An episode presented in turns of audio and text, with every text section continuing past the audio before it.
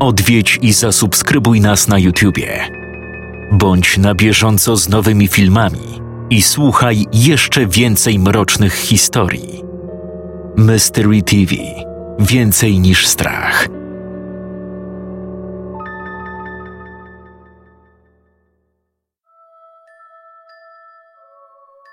Przed wieloma laty, choć nie potrafię już dokładnie określić kiedy, ziemią tą władał król. Był on człowiekiem silnym, hardym i gniewnym, lecz także sprawiedliwym tak przynajmniej zapamiętałam go z czasu mojego dzieciństwa. Pewnego dnia z anonimowego listu król dowiedział się, że jego żona od lat skrywała przed nim romans z nadwornym astrologiem. Nie wiem, czy była to prawda, ale faktem jest, że w tym czasie jego małżonka w pośpiechu opuściła zamek, udając się w nieznanym kierunku. Władca wpadł wtedy w straszny gniew, który z czasem przerodził się w szaleństwo. Nieszczęsny kochanek został pojmany jeszcze tego samego dnia, by w ciągu kolejnych godzin ponieść jedyną odpowiednią karę za swój podły występek. Zgładzono go w lochach, bez świadków, a ciało wyrzucono poza mury zamku. Srogi władca rozesłał po całym królestwie wojów, którzy mieli odszukać i uśmiercić również niewierną. Nic jednak nie mogło złagodzić jego gniewu. To też, gdy niespełna miesiąc później najemnicy powrócili, wioząc ze sobą ciemną, hebanową trumnę, nie spotkali się z większą aprobatą króla – który sypnął złotymi monetami, a następnie kazał im iść precz. Byłyśmy wtedy jeszcze dziećmi. Ja najmłodsza, następnie Nadia i najstarsza Malea. Trzy owoce tego niegdyś szczęśliwego związku pary królewskiej. Swoją wściekłość ojciec przenosił na dworzan, gdy popełnili choćby najmniejsze uchybienie a także na nas. Najwyraźniej widział w nas odbicie tej, którą dawniej kochał, a której teraz nie było już wśród żywych. Trwając w poczuciu zdrady, wciąż żywił uraz do wszystkiego, co po niej zostało. Choć ja w jego oczach widziałam również wielki żal i pustkę. W zamku zapanowały niepokój i trwoga. Mijały kolejne miesiące, gdy za rozkazem władcy wznoszono jednocześnie cztery wysokie wieże na czterech murach okalających zamek. W tym czasie nieco oddaliłyśmy się od siebie, a szczególnie Malea, która często wypuszczała się na samotne wędrówki do pobliskiego lasu. Ja i Nadia bałyśmy się narazić na gniew ojca, więc spędzałyśmy większość czasu w swoich komnatach, pokazując się jedynie przy większych uroczystościach. Choć władca nie potrafił nas zgładzić, w swym obłędzie postanowił, że my nigdy nie skalamy się grzechem niewierności, co oznajmił nam z dniem ukończenia budowy. Nakazał uwięzić każdą z nas osobno w trzech wieżach. Mnie we wschodniej, Nadię w południowej, a Male w zachodniej. Przeznaczenie czwartej, północnej wieży pozostało nieznane. Na nic zdały się nasze protesty, płacze i prośby. Odtąd już zawsze miałyśmy żyć w uwięzieniu. Spoglądając z wysoka przez małe okna mojej komnaty na ceglane mury, dziedziniec i dachy, widziałam jak z każdym kolejnym rokiem zamek marniał i zarastał. Ja również, dorastając w odosobnieniu, z dala od uciech życia, coraz bardziej popadałam w przygnębienie. Każdego dnia, rano i wieczorem, do drzwi mojej komnaty przybywał służebny, przez małe okienko podawał misę z porcją strawy i napitkiem. a raz w tygodniu stągiew z wodą do mycia oraz kilka świec woskowych. Nie odzywał się przy tym i pozostawał głuchy na wszelkie moje prośby nawiązania rozmowy. W otoczonej chłodnymi murami celi znajdowało się tylko proste łoże, stół z ławą, gdzie spożywałam posiłki, skrzynia z kilkoma, coraz bardziej znoszonymi sukniami, balia do kąpieli, lustro ścienne, szkatuła z drobnymi przyborami, a za małym przepierzeniem w wykuszu ściennym wychodek na nieczystości. Czas wypełniałam modlitwą, haftowaniem i naprawianiem szat, spacerowaniem wokół komnaty oraz układaniem pieśni. Najbardziej jednak lubiłam spoglądać przez okienko, czerpiąc pociechę z obserwowania otoczenia. Patrząc na sąsiednie wieże, zastanawiałam się, jak to zniewolenie znoszą moje siostry. Pewnego dnia w rozżalaniu rozbiłam taflę lustra. Wzięłam jeden kawałek zwierciadła do okna i kierując odbite światło słoneczne w stronę okna wieży południowej, udało mi się zwrócić uwagę Nadii. Po chwili słoneczny odblask z jej okna zaświecił mi w twarz. Odległość była zbyt duża, by móc rozmawiać, ale nawet ta forma kontaktu pokrzepiła me serce. Odtąd codziennie dawałyśmy sobie świetlne znaki. Wiedziałam przynajmniej, że Nadia żyje i ma się dobrze, jak na te okoliczności. Natomiast pomimo wielu prób nawiązania kontaktu ze starszą siostrą z wieży zachodniej, nie doczekałam się żadnej odpowiedzi. O jej bytności w wieży świadczyło tylko światło świecy widoczne niekiedy po zmroku w jej oknie. Cóż, Malea zawsze była samotnikiem i nawet przed uwięzieniem nie okazywała nam cieplejszych uczuć. Stroniła od ludzi i jeśli akurat nie wymykała się do lasu, wolała godzinami przesiadywać w bibliotece, wertując wszelkie zwoje i dawne podania. Czwarta wieża wciąż pozostawała tajemnicą. Zdawało się, że jest pusta, ale wpatrując się w jej czarne okna, wyczuwałam jakąś złowrogą aurę, wywołującą ciarki na plecach.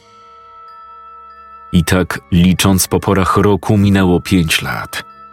Którejś nocy rozpętała się straszna burza. Nie mogłam spać z powodu przeraźliwych grzmotów, od których drżały ściany i błyskawic rozcinających czarne chmury.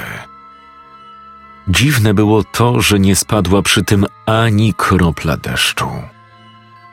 Skulona w kłębek na łożu próbowałam zasnąć. Wreszcie burza ustała. Lecz po dłuższej chwili na ścianie mojej komnaty zamigotała biała poświata. Pomyślałam, że to może światło księżyca przebija się przez chmury, sunąc po niebie. Wstałam z posłania i wyjrzałam przez okno. To nie był jednak księżyc. Z okien czwartej wieży wydobywał się blask. Ze wszelkich szczelin wychodziły promienie wijące się na kształt węży. Czy ktoś tam był? Co mogło być źródłem tak jasnego światła w środku nocy? Zaniepokojona wpatrywałam się w północną wieżę, próbując cokolwiek dojrzeć, gdy nagle jasne światło zgasło. Zapadła kompletna cisza, a noc na powrót spowiła się ciemnością. Pomyślałam, że może był to wytwór mojej wyobraźni, lecz sama nie byłam pewna. Wróciłam do łóżka i oczekiwałam na przyjście nowego dnia. Nazajutrz nie zjawił się posłaniec z jedzeniem. Ani rano, ani wieczorem. Nie wiedziałam, co o tym myśleć. U mojej siostry z południowej wieży chyba też było coś nie tak, gdyż nie odpowiadała na moje błyskanie. Kolejnej nocy, gdy osłabiona w półśnie leżałam na łożu, Zdało mi się, że usłyszałam zgrzyt zamka w drzwiach. Nie mając pewności, czy to aby nie złudzenie, wstałam i ostrożnie podeszłam do nich. Przez długie minuty nasłuchiwałam, lecz po drugiej stronie chyba nikogo nie było. Wiedziona ciekawością pchnęłam drzwi, a te z okropnym zgrzytem otworzyły się na oścież. Po raz pierwszy od tak dawna mogłam przekroczyć próg mojej celi. Zaopatrzona tylko w świecę, której nikły promień rozpraszał ciemności zaledwie na kilka kroków, ostrożnie zeszłam w dół krętymi schodami i stanęłam w mrocznym korytarzu. Nigdzie nie było straży, służby, dworzan, ani żadnych oznak życia. Przemieszczając się dalej, zauważyłam, że nawet w oknie zamkowej kuchni było ciemno. A przecież tam i w nocy zawsze trwała krzątanina przy szykowaniu posiłków na królewskie stoły. Kamienne mury wyglądały upiornie w tej ciemności. Gdzie się wszyscy podzieli? Pełna niepokoju weszłam do przedsionka zamku i stanęłam przed zamkniętymi drzwiami sali tronowej. Za nimi panowała grobowa cisza. Opanowało mnie dziwne uczucie trwogi, ale nie mogłam się teraz wycofać. Ciężkie wrota zaskrzypiały, gdy naparłam z całych sił i uchyliłam je nieco do środka. Od wejścia uderzył mnie okropny odór. Cuchnęło tak, że aż przytkałam usta i nos wolną dłonią. W nikłym blasku mojej świecy ujrzałam na środku sali chyba stos starych ubrań i najpewniej stamtąd dochodził ten przykry zapach. Pokonując obrzydzenie i strach, krok za krokiem ruszyłam w tym kierunku. Gdy w końcu blask świecy padł na ten stos, zamarłam. To byli martwi ludzie, wszyscy dworzanie, służba, grajkowie, wojowie i nawet ksiądz leżący na górze. Ich rozkładające się już ciała były straszliwie zmasakrowane. Jedni mieli rozłupane głowy, inni powyrywane lub zmiażdżone kończyny, a jeszcze inni rozpłatane torsy, wśród których ucztowały szczury. Ścisnął mi się żołądek i gdyby nie był pusty, prawdopodobnie zwymiotowałabym na ten widok. Boże, co tutaj się stało?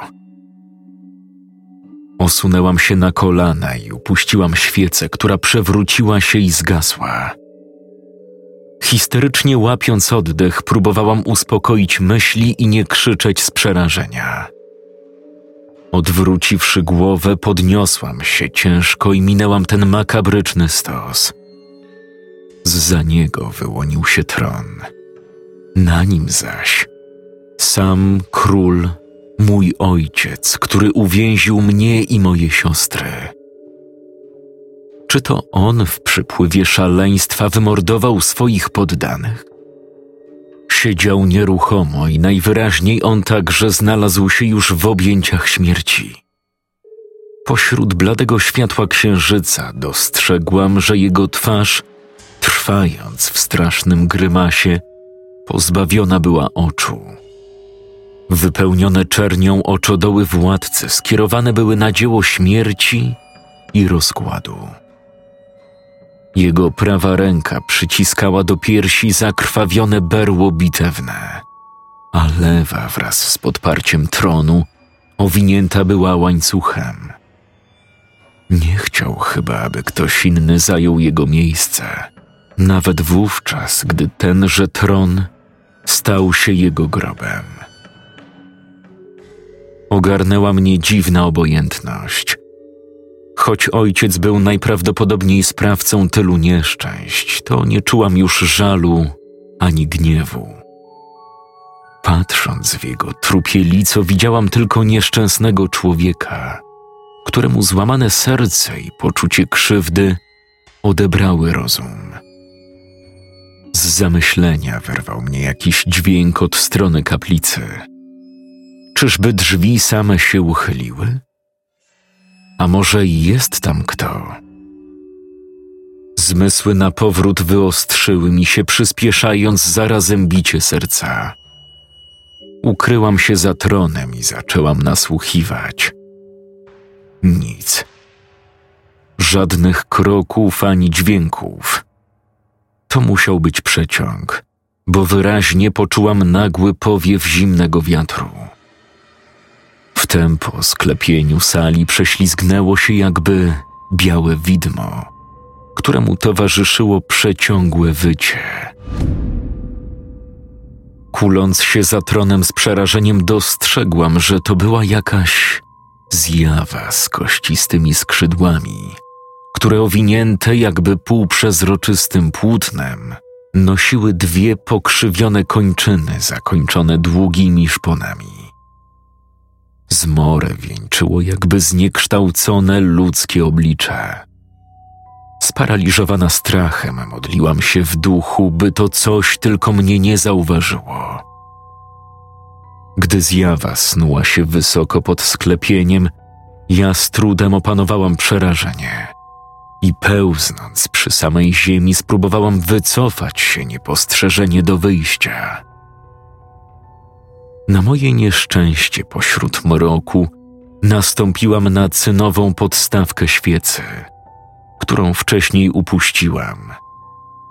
Ta stuknęła o posadzkę, wydając metaliczny dźwięk. W pierwszej chwili zamarłam w bezruchu, zaciskając powieki, lecz szybko spojrzałam w górę. Biała zjawa zawisła nade mną i łypała białkami oczu. Teraz, gdy jej twarz skierowana była wprost na mnie, dostrzegłam w niej coś znajomego. Lico mej matki. W następnej chwili zjawa runęła w moją stronę niczym jastrząb, a ja w ostatniej chwili przewróciłam się na bok, unikając ostrych szponów. Nie tracąc czasu, rzuciłam się do ucieczki w stronę wyjścia. Doskoczyłam do ciężkich wrót sali tronowej, uchylonych na tyle, że przecisnęłam się na zewnątrz. Kątem oka dostrzegłam, że ten ohydny upiór leci za mną. Z całych sił przyciągnęłam drzwi i zamknęłam je za sobą. Szpony bestii zaskrobały nieprzyjemnie o żelazne okucie, a ryk wściekłości wydarł się z jej gardła. Nie oglądając się za siebie, pobiegłam przez przedsionek i stanęłam w bezruchu. Główne wejście do zamku zawarte było grubą belką i wielką żelazną kłódką. Widząc, że nie mam żadnych szans, aby wydostać się na zewnątrz, bezradnie uderzyłam dłońmi we wrota i zapłakałam z rozpaczy. Zamek posiadał wprawdzie co najmniej dwie furty boczne, lecz z rozkazu ojca zostały one zamurowane jeszcze podczas budowy czterech wież. Wtem zaświtała mi pewna myśl. Istniała jedna droga ucieczki. Okno kuchenne było na wysokości, na którą mogłam się wspiąć bez trudu. Jednak do kuchni można było się dostać jedynie przez salę tronową. Zbliżyłam się ostrożnie do drzwi, które uprzednio uchroniły mnie przed latającą zjawą. Nachyliłam się do otworu na klucz i spojrzałam. Biała poświata biła promieniami z zastosu gnijących ciał, lecz nie mogłam dostrzec, co tam się działo. Nagle zobaczyłam, jak upiór wzbił się wysoko i rozbijając szybę, uleciał przez jedno z górnych okien pod sklepieniem. Odczekałam chwilę i najciszej jak się dało naparłam na drzwi i pchnęłam je ponownie uchylając. Szłam bezszelestnie niczym mysz, lecz cały czas nie miałam najmniejszego poczucia bezpieczeństwa. Gdy minęłam zabitych dworzan, W bladym świetle księżyca ujrzałam, że coś się zmieniło. Coś było nie tak. Masywny tron był pusty. Wtem tubalny męski okrzyk przebiegł po sali, a dochodził z bocznej komnaty służącej za podręczną zbrojownię. Czy to mógł być władca? Umarli nie wracają do życia, jeśli nie za sprawą mocy nieczystych. Przerażona cofnęłam się o krok i skryłam za stosem cuchnących zwłok. Potężna sylwetka ojca wyłoniła się z ciemnej zbrojowni. Jego martwe, a jednak ożywione ciało przyodziane było teraz w kolczugę. W dłoni dzierżył swe wielkie bitewne berło. Stał przez chwilę, lekko kiwając się w przód i w tył, jakby zapomniał, po co wrócił do świata żywych. Następnie stanowczo i bezdusznie rzekł: Wiem, że tu jesteś. To bezpośrednie stwierdzenie zdało się wybrzmieć tuż nad moim uchem. Tej sytuacji było na tyle przerażające, że aż łzy napłynęły mi do oczu. Mimo to ani drgnęłam. Bałam się, że gdy tylko mnie znajdzie, skończę jak ci wszyscy nieszczęśnicy. Wtedy jedno z ciał obok poruszyło się. Czyjaś ręka pochwyciła mnie za ramię, gdy inna zatkała mi usta. Zaskoczona, nie zdążyłam nawet krzyknąć ze strachu. Zaraz ta sama dłoń, która wpierw złapała mnie za ramię, teraz wyciągnęła przed siebie ułamek lustra, podobny do tego, którym posługiwałam się do komunikacji z Nadią. W obliczu ujrzałam jej właśnie twarz. Nie bój się, wyszeptała. Odczułam ulgę. To była moja siostra. W tym okropnym miejscu miałam kogoś bliskiego. Wciąż jednak pozostawałyśmy w niebezpieczeństwie. Nadia wyszeptała: Nie jest w stanie nas zobaczyć. Ma wyłupane oczy, ale musimy być cicho. Jak wydostałaś się z wieży? Jak znalazłaś się pośród tych ciał? Ktoś otworzył zamek w drzwiach mojej komnaty poprzedniej nocy. Poszłam do twojej wieży, ale komnata była pusta. Malea też zniknęła. Myślałam, że uciekłyście. Dzieje się tu coś bardzo złego. Wiem. Musimy uciekać, ale brama główna jest zamknięta. Nie przejdziemy. Dlatego przyszłam tutaj. Pod tym stosem ciał znajduje się właz do piwnicy. Jest tam wąski korytarz prowadzący za mury zamku, ale przy końcu jest tylko małe okienko odpływowe.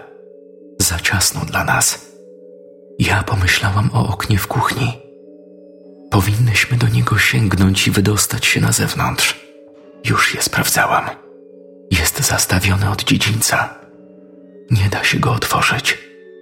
Jest jeszcze jedna droga kaplicy za ołtarzem znajduje się sekretne przejście. Klucz do niego miał przy sobie duchowny. Nadia wskazała na zwłoki, które bezwładnie zwisały z gnijącego stosu. Siostra wyciągnęła dłoń z kawałkiem lustra i w odbiciu sprawdziła, czy tyran stał nadal w drzwiach zbrojowni. Był tam. Kiwał się w przód i w tył postanowiłyśmy przejść po cichu wzdłuż przeciwnej ściany do drzwi kaplicy. Byłyśmy już o krok od nawy poprzecznej, gdy zadźwięczały kółka kolczugi. Ojciec się poruszył.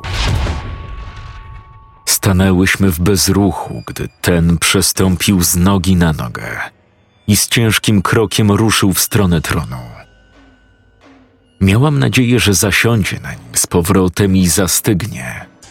Lecz gdy go minął i wciąż szedł w naszym kierunku, spanikowałam. Zacisnęłam dłoń na ramieniu siostry, a ona wyszeptała: Szybko, do kaplicy. Ruszyłyśmy biegiem, lecz władca ryknął. Zamachnął się berłem i rzucił nim w naszą stronę. Broń uderzyła obuchem Nadię w ramię z taką siłą, że usłyszałam, jak pęka jej kość. Upadła w biegu i krzyknęła z bólu. Byłam przerażona. Doskoczyłam do niej i pomogłam jej wstać, podnosząc za zdrowe ramię. Tyran nie biegł za nami, tylko kroczył powoli. Jego straszną twarz wykrzywił paskudny, triumfalny uśmiech. Powiodłam Nadię przez próg kaplicy i zamknęłam drzwi na zasuwę. Nadia! Krzyknęłam, bezradnie patrząc na jej strzaskane ramię, nie wiedząc jak jej pomóc. Siostra tylko jęczała z bólu. Widać było, że opadła z sił i nie mogła się ruszyć. Łzy płynęły jej po policzkach. Co mam robić? Weź ten klucz. Spróbuj otworzyć drzwi z tyłu ołtarza i. Uciekaj. Ale co z tobą? Idź. Proszę. Ja zbiorę siły i zaraz ruszę za tobą. Trzęsącymi dłońmi chwyciłam klucz, który mi podała i pobiegłam w stronę ołtarza. W połowie drogi usłyszałam huk, który poniósł się echem po całym zamku. Potem następny i kolejny. Władca uderzał berłem w drzwi kaplicy. Choć były zawarte, z każdym uderzeniem zdawało się, że ustąpią lada chwila. Za drzwi dało się słyszeć ryk. Nikczemne! Wychodząc ze swych komnat, zwróciłyście się ku niewierności. Poniesiecie karę jak każdy zdrajca w tym zamku. Potrząsnęłam głową, by odegnać zwątpienie. Szybko znalazłam sekretne drzwi ukryte we wnęce za zdobnym ołtarzem. Włożyłam klucz do dziury w zamku i przekręciłam, po czym naparłam na klamkę. Drzwi z suchym szczękiem otwarły się, ukazując wąski korytarz. Odwróciłam się w stronę siostry, by na nią zawołać. Wtem z nadchóru doszedł mnie głośny dźwięk pękającego szkła. Kawałki witrażowego okna rozsypały się na kamiennej posadzce niczym kolorowe korale. Wysoko nad nami zawisł kościany upiór okropnej, ludzkiej twarzy. W przebijającym się świetle księżyca wyglądał jak szary anioł, lecz ja wiedziałam, że mógł być jedynie demonem z piekieł. Nadia! Siostra chwiejnie szła już w moją stronę, lecz wtedy drzwi do kaplicy nie wytrzymały kolejnego uderzenia. Roztrzaskane drewno dołączyło do ułamków szkła na posadzce, a przez drzwi wkroczył tyran. Był wyraźnie rozwścieczony. Ruszył wzdłuż kaplicy, obracając dziwnie głową, jakby nasłuchiwał. W tym czasie upiór poszybował w moją stronę, z wysuniętymi do przodu szponiastymi kończynami. Mglista smuga ciągnęła się za nim w locie. Zdołałam jedynie uchylić się, kryjąc za ołtarzem. Nagle usłyszałam krzyk Nadi i ryk władcy. Wychyliłam się z za ołtarza, by zobaczyć coś, co złamało mi serce. Ciężkie berło spadło na delikatne plecy mojej siostry i przygniotło ją do podłoża. Patrząc smutno w moją stronę, tylko westchnęła i zastygła z wyciągniętą dłonią. Boże! Nie! Czas jakby się zatrzymał.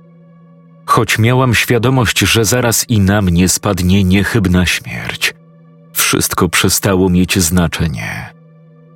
Łzy rozmyły mi obraz i nie wiem, czy omdlałam, czy może już umarłam. Pomyślałam tylko, to koniec. Ale wtedy półmrok w kaplicy rozjaśnił blask pochodni. Patrz na mnie, demonie! Rozkazał czyjś donośny głos. Otworzyłam oczy i ujrzałam, jak biała zjawa, będąc tuż nade mną, zawisła w bezruchu. Jej oblicze rzeczywiście zwrócone było w stronę, z której dobiegł rozkaz. Przetarłam oczy, by zobaczyć, kim jest ta osoba. W drzwiach kaplicy stała jakaś postać z pochodnią. W drugiej, wysoko uniesionej ręce trzymała coś błyszczącego. To był zbity kawałek lustra, w który hipnotycznie wpatrywał się upiór. W półmroku wciąż nie mogłam rozeznać, kim jest mój wybawca. Król obrócił się i ryknął. Jak śmiesz zakłócać? Precz, tyranie! Przerwał mu silny kobiecy głos. Ten już podnosił berło, by ją uderzyć. Wtedy postać sięgnęła dłonią do sakwy u pasa i sypnęła jakimś pyłem w stronę władcy. Ów pył natychmiast buchnął płomieniami w twarz królowi, który ogłuszony padł ciężko na posadzkę. Latający demon oprzytomniał i z sykiem rzucił się na moją wybawicielkę. Ona znów podniosła ułamek zwierciadła i o dziwo powstrzymało to zjawę. Upiór najwyraźniej wzbraniał się przed swoim odbiciem i choć ponawiał ataki, bezsilnie ulatywał z gniewnym skowytem. W końcu wyleciał przez wybite okno. Tajemnicza postać zbliżyła się do mnie. Byłam w zbyt dużym szoku, by cokolwiek z tego rozumieć. Przerażona odwróciłam się i niepewnym krokiem zaczęłam iść w stronę otwartych drzwi za ołtarzem. Siostro, Usłyszałam za sobą stanowczy głos. Byłam już u progu przejścia prowadzącego poza mury zamku. Zawahałam się. siostro, nie uciekaj. Głos był teraz dużo łagodniejszy. Poznałam w nim Maleę, moją starszą siostrę. Musimy uciekać. To przejście jest jedyną drogą. Jedyną drogą. Jest odwrócenie klątwy ciążącej na tym zamku. Zaufaj mi. Byłam zupełnie zagubiona i roztrzęsiona. To wszystko, co się wydarzyło, czego doświadczyłam, było jak zły sen, z którego pragnęłam się obudzić. Chciałam znowu znaleźć się w mojej komnacie na szczycie wieży. Pójdź ze mną. Możemy jeszcze uratować siebie i to miejsce. Nie ma czasu do stracenia. Tyran zaraz się ocknie. Spojrzałam raz jeszcze w stronę nikłego prześwitu na końcu korytarza za ołtarzem, po czym odwróciłam się i postanowiłam zaufać siostrze. Gdy w ciszy przemierzałyśmy mroczny korytarz, spytałam: Dokąd zmierzamy? Najpierw do mojej komnaty w zachodniej wieży, a następnie będziesz musiała mi pomóc. Ja? Nawet nie wiem, co tu się dzieje. Opuściłam tylko moją wieżę i rozpętało się piekło. Do tego Nadia. Łzy znów zeszkliły się w moich oczach. Zaczęłam szlochać. Skoro Malea potrafiła przegonić zjawy i ogłuszyć tyrana, dlaczego nie przybyła wcześniej? Przecież mogła uratować również ją. Nie zdążyłam. Rzekła Malea, czytając w mych myślach i nie patrząc na mnie kontynuowała. Nie zdążyłam przybyć wcześniej. Gdy spostrzegłam, że drzwi mojej komnaty zostały otwarte, udałam się do południowej wieży, lecz Nadii tam nie było. Poszłam więc sprawdzić, co z tobą, ale i wschodnia wieża była pusta. W obydwu miejscach znalazłam rozbite tafle lustra, więc wzięłam kawałek, którym się posłużyłam. Proch palny znalazłam w pracowni astrologa. Nikogo nigdzie nie było. Dopiero hałasy w kaplicy niosące się po całym zamku zwabiły mnie. W tym momencie zawiesiła głos, gdyż stanęłyśmy przed furtą prowadzącą na szczyt wieży zachodniej. Jesteśmy na miejscu. Tutaj byłam więziona. Ukryłam na górze coś, czego będziemy potrzebować. Chodźmy. Miałam tyle pytań, ale nie potrafiłam zebrać myśli na zadanie choćby jednego. Trwałam zatem w milczeniu przez resztę drogi na górę. Gdy dotarłyśmy do drzwi komnaty, w której kilka ostatnich lat spędziła Malea, siostra pchnęła je, uchylając na oścież. Weszła przodem, a ja za nią. Oparła się o drewniane krzesło i wpatrując przez okno w dal, zaczęła mówić. Widzę po tobie, że masz wiele pytań. Spróbuję wyjaśnić ci te kwestie, które sama dotąd zdołałam pojąć w tej niepojętej sytuacji. Wszystko zaczęło się od śmierci matki, a może wcześniej, od jej zdrady. Myślisz, że to była prawda? To, co myślę, nie ma znaczenia. Faktem jest to, co zrobił ojciec. Jednak wersja, którą znasz, nie jest zgodna z prawdą. Najemnicy mieli dostarczyć matkę żywą przed sąd króla. Może chciał ją przesłuchać osobiście. Najwyraźniej jednak efekt przesłuchań nie zadowolił go wcale, gdyż uwięził matkę w lochu pod strażą na wiele miesięcy. W tym czasie zakończono budowę wież. Trzy przeznaczone były dla nas, a w czwartej, północnej, miała pokutować niewierna małżonka. A więc ona żyła? Przez cały ten czas? Niezupełnie. Ojciec najwyraźniej nie potrafił jej zabić. Za to uczynił coś znacznie gorszego. Kazał sprowadzić wiedźmę z lasu pod zamkiem. Niektórzy twierdzili, że nie ma w tych lasach żadnej wiedźmy, ale on był pewny. Nikt nie odważył się sprzeciwić. Zaiste sprowadzono więc wiedźmę. Miała ona rzucić klątwę na matkę jako karę za jej zdradę i czynić jakieś uroki. Ale ja sądzę, że wiedźma przekleła całe królestwo. Nieświadomy ojciec był pewny, że tylko matka będzie potępiona za grzech, którego się dopuściła. Lecz to, co dzieje się teraz, wtedy się właśnie zaczęło. Klątwa. Skąd o tym wszystkim wiesz? Przecież byłaś zamknięta w wieży, tak samo jak Nadia i ja. Byłam. Ale uwiodłam sługę, który przynosił mi pożywienie. On wypuszczał mnie z wieży. Wymykałam się często i niepostrzeżenie. Wiele można się dowiedzieć, kryjąc się w cieniu krużganków. A skąd wziął się ten upiór? I dlaczego wszyscy nie żyją? Czym stał się ojciec? Już ci mówiłam. Nie wiem na pewno wszystkiego. Sądzę, że matka trafiła do czwartej wieży, zaś klątwa się rozwijała. Z czasem zauważyłam, że mieszkańcy zamku zaczęli się zmieniać. Zapanowała wrogość nieufność. Z powodu wybuchających niesnasek i wzajemnych oskarżeń o przeróżne niegodziwości, król nakazał zamknąć wszystkie bramy. Zaś spory, cóż, miały rozstrzygać się w drodze walki. Niezależnie od tego, czyja była racja, prawo stało po stronie zwycięzcy pojedynku. W końcu większość poddanych nie była w stanie walczyć. Byli okaleczeni, wygłodzeni i zaszczuci. Ale nienasycony król przymuszał ich do ciągłej walki, która według niego była drogą do oczyszczenia z grzechów. Podejrzewam, że sam wymierzał kary w ostatnim czasie. Te wszystkie zwłoki w sali tronowej. Być może nie mógł znieść widoku tych, których uważał za zdrajców, więc pewnie sam wyłupił sobie oczy. Skąd zatem wzięła się zjawa?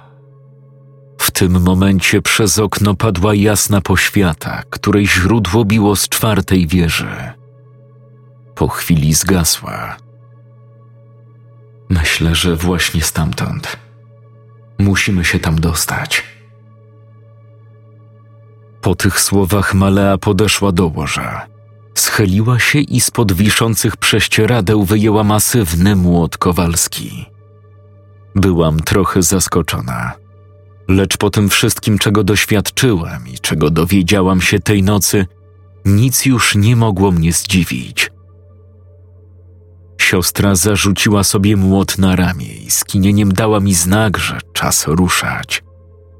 Schodziłyśmy w milczeniu w dół mrocznych schodów, potem przez korytarze.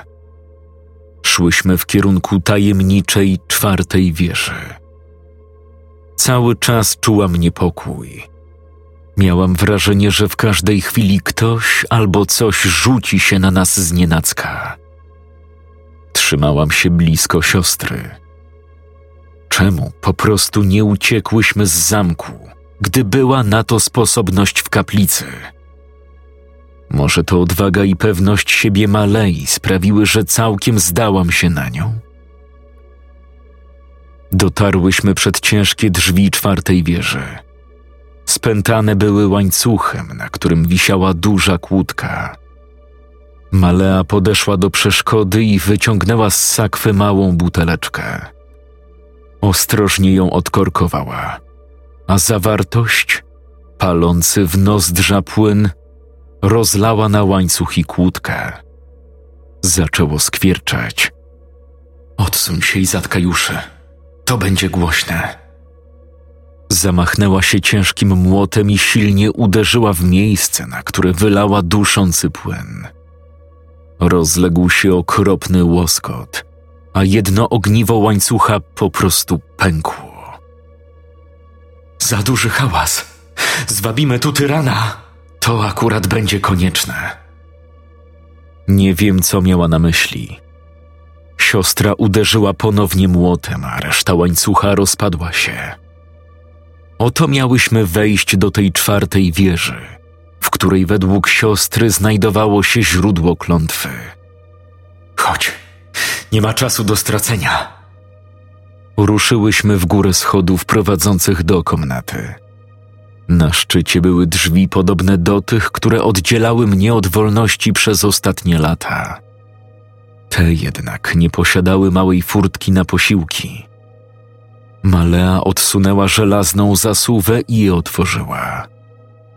Zawahałam się, lecz weszłam do środka. Komnata była prawie pusta. Po środku stał drewniany pal, do którego przykute było ludzkie ciało. Choć zwrócone do nas tyłem, od razu domyśliłam się, do kogo należy. Po drugiej stronie stało chyba wielkie zwierciadło, przykryte narzutą. Malea podeszła do obiektu i energicznie odkryła lustro. Przez chwilę zdawało mi się, że jego powierzchnia zafalowała niczym tafla wody. Obeszłam słup i spojrzałam na umęczone zwłoki. To była nasza matka. Musiała wiele wycierpieć przed śmiercią, gdyż ciało wyglądem przypominało raczej szkielet obleczony w skórę. Nie mogłam na to patrzeć. Łzy napłynęły mi do oczu. A więc tak jak przypuszczałam. Cóż, niczego nie dotykaj. To stąd bije źródło klątwy. Co mam zrobić? Zakończmy to raz na zawsze. To będzie dość trudne. O ile dobrze odczytałam treść tajemnych zwojów z zamkowej biblioteki, musimy dobić żywiciela złego ducha. W tym wypadku jest to nasza matka. Jak to? Przecież ona już nie żyje, niestety. Choć tak wygląda, to wciąż żyje i cierpi. Wyobrażam też sobie, że marzy o śmierci. Odwróciłam się gwałtownie do wyniszczonego ciała. Nie mogło być żywe, nie w tym stanie, ale musiałam się upewnić. Matko! krzyknęłam, roniąc gorzkie łzy. Wtedy trupia głowa drgnęła z trudem unosząc powieki. Te oczy, choć wypełnione bólem, pozostały takie, jakimi je pamiętałam. Tak bardzo chciałam, aby wypowiedziała choć jedno słowo. W tym momencie ciężki młot spadł na jej głowę, miażdżąc to ostatnie spojrzenie. Siła uderzenia była na tyle duża, że nieszczęsne ciało wyrwało się z więzów trzymających je na słupie. Zszokowana krzyknęłam: Cóżeś uczyniła? Szybko! Skieruj zwierciadło na okno, zaraz będzie tu. Malea nie skończyła jeszcze mówić, gdy jej głos zagłuszyło potężne, przeraźliwe wycie, dobiegające z zewnątrz wieży. Ja, wciąż rozżalona, w sercu czułam się rozbita na setki kawałków. Nie trać czasu! Musisz wpędzić upiora do zwierciadła! Instynktownie podniosłam się z kolan. Sięgnęłam do ramy wielkiego lustra i zwróciłam je na wprost okna. W tej chwili przez nie z impetem wleciał demon i oparł się o taflę. Patrzącego w swe odbicie upiora jakaś nadludzka siła zaczęła wciągać do środka zwierciadła. Na nic zdały się jego potworne krzyki i piski. Płynna tafla wessała zjawę, przybierając na powrót sztywną, szklaną formę. Wtem ujrzałam, jak drzwi komnaty z hukiem lądują na posadzce za sprawą silnego uderzenia bitewnym berłem zadanego przez tyrana. Malea była na to przygotowana, gdyż stojąc z boku drzwi zamachnęła się młotem i z całych sił uderzyła go w głowę. Tyran zachwiał się, lecz zdołał jeszcze wymierzyć cios w stronę siostry. Ta ledwo zdążyła się uchylić, a berło z hukiem uderzyło w ścianę, wykruszywszy spore kawałki kamienia. Przez chwilę myślałam, że walka dopiero się zaczyna, a kolejny cios niechybnie spadnie na male. Jednak w następnej chwili ojciec osunął się na kolana i upadł na twarz. Z jego rozbitej głowy obficie sączyła się czarna posoka. Nawet wskrzeszony tajemną mocą demona nie mógł przeżyć uderzenia młotem, które zadała mu najstarsza córka. Ja, zdezorientowana, wciąż kuliłam się u podstawy zwierciadła, nie mogąc dojść do siebie. Nie potrafię określić, co czułam. Ulgę? Gniew? Smutek? Chyba wszystko to jednocześnie. Czy to już koniec? Malea nie odpowiedziała. Oddychała ciężko i chyba śmiała się cicho. Malea? Wszystko w porządku? tak. Udało się. Prawie. Ale to jeszcze nie koniec. Dodała, wskazując na lustro. Obróciłam się, by zobaczyć, co miała na myśli. Jeszcze raz serce podeszło mi do gardła, gdy zobaczyłam okropną białą zjawę, łypiącą na mnie z zalustrzanej bariery. Wyglądała strasznie, ale inaczej. Nie miała już twarzy naszej matki, lecz bezosobowe, trupie lico przywodzące na myśl śmierć we własnej osobie. Wtedy ujrzałam jeszcze coś w szklanym odbiciu. Siostra stanęła za mną, lecz jej twarz również wyglądała inaczej. A właściwie jej oczy, które były. Nie zdążyłam nawet się odwrócić, gdy poczułam bolesne i głębokie ukłucie w boku. Malea przekręciła sztylet w ranie i wyciągnęła go gwałtownie.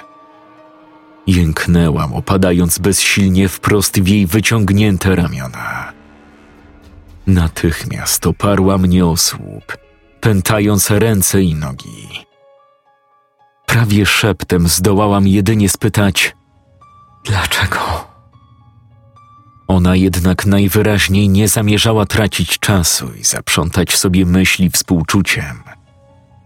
Skrupulatnie zajęła się opatrzeniem Mirany, zbierając przy tym fiolkę krwi, którą następnie skropiła tafle zwierciadła. Po drugiej stronie biała zjawa zaczęła wić się z widoczną lubością. W końcu Malea się odezwała. Widzisz, moja droga, jesteś mi potrzebna. Otóż ciało matki było bardzo niedoskonałe, co za tym idzie, upiór dość nieokiełznany i osłabione. Takie okoliczności nie sprzyjały realizacji mojego planu. Krew spływająca po powierzchni lustra sprawiła, że tafla znowu zaczęła falować, a siostra kontynuowała. Ten plan, o którym mówię, nie pojmiesz, jak jest ważny. Wiele lat i wyrzeczeń poświęciłam na jego przygotowanie i wprowadzenie w życie. Wprawdzie oskarżenie matki o zdradę było banalnie proste, ale to był najlepszy sposób, by nakłonić ojca, aby nakazał obłożyć klątwą tę, którą kochał. Musiałam studiować zakazane zwoje przez wiele miesięcy, aby opanować arkana czarnej magii. Jednak po rzuceniu klątwy demonicznej wszystko poszło gładko. Stary głupiec postradał zmysły, zaś upiór czerpiąc energię z ciała matki mógł przejść do naszego świata. Ale widzisz, to było za mało. Za mało, aby zapewnił mi długowieczność. Potrzebował silniejszej żywicielki. Niestety nasza droga Nadia nie była czysta. Zdołała bowiem zaznać grzechu w swym krótkim życiu. Ale ty doskonale nadajesz się na żywicielkę. A zresztą nie ma o czym mówić. Końcu zyskam długowieczność, a wierz mi, mam jeszcze sporo do zrobienia w tym życiu. Co do ciebie zaś, nie bój się. Nie doznasz krztyny bólu. Spędzisz tylko długie lata w tej wieży. Cóż za ironia losu. Najlepiej nie myśl o tym. Wkrótce nie będziesz już odczuwać żadnych potrzeb ani emocji. Z czasem zaczniesz zapominać o tym, co się tu wydarzyło. Jedyne, co musisz zrobić, to spojrzeć w lustro. No spójrz w jego oczy. Siostra przytrzymała mi głowę, a ja nie miałam nawet siły, aby odwrócić wzrok. Potworne lico wyłaniające się z lustra, przybliżając się, przybierało moją twarz. Jedyne, na czym starałam się skupić moje myśli, to aby nie zapomnieć.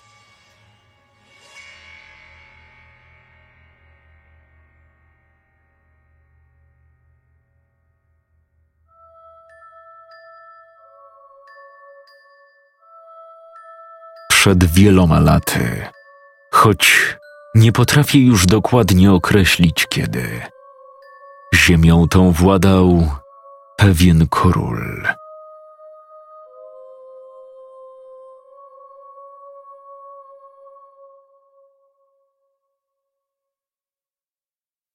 Scenariusz Sebastian Stala. Czytał Jakub Rutka.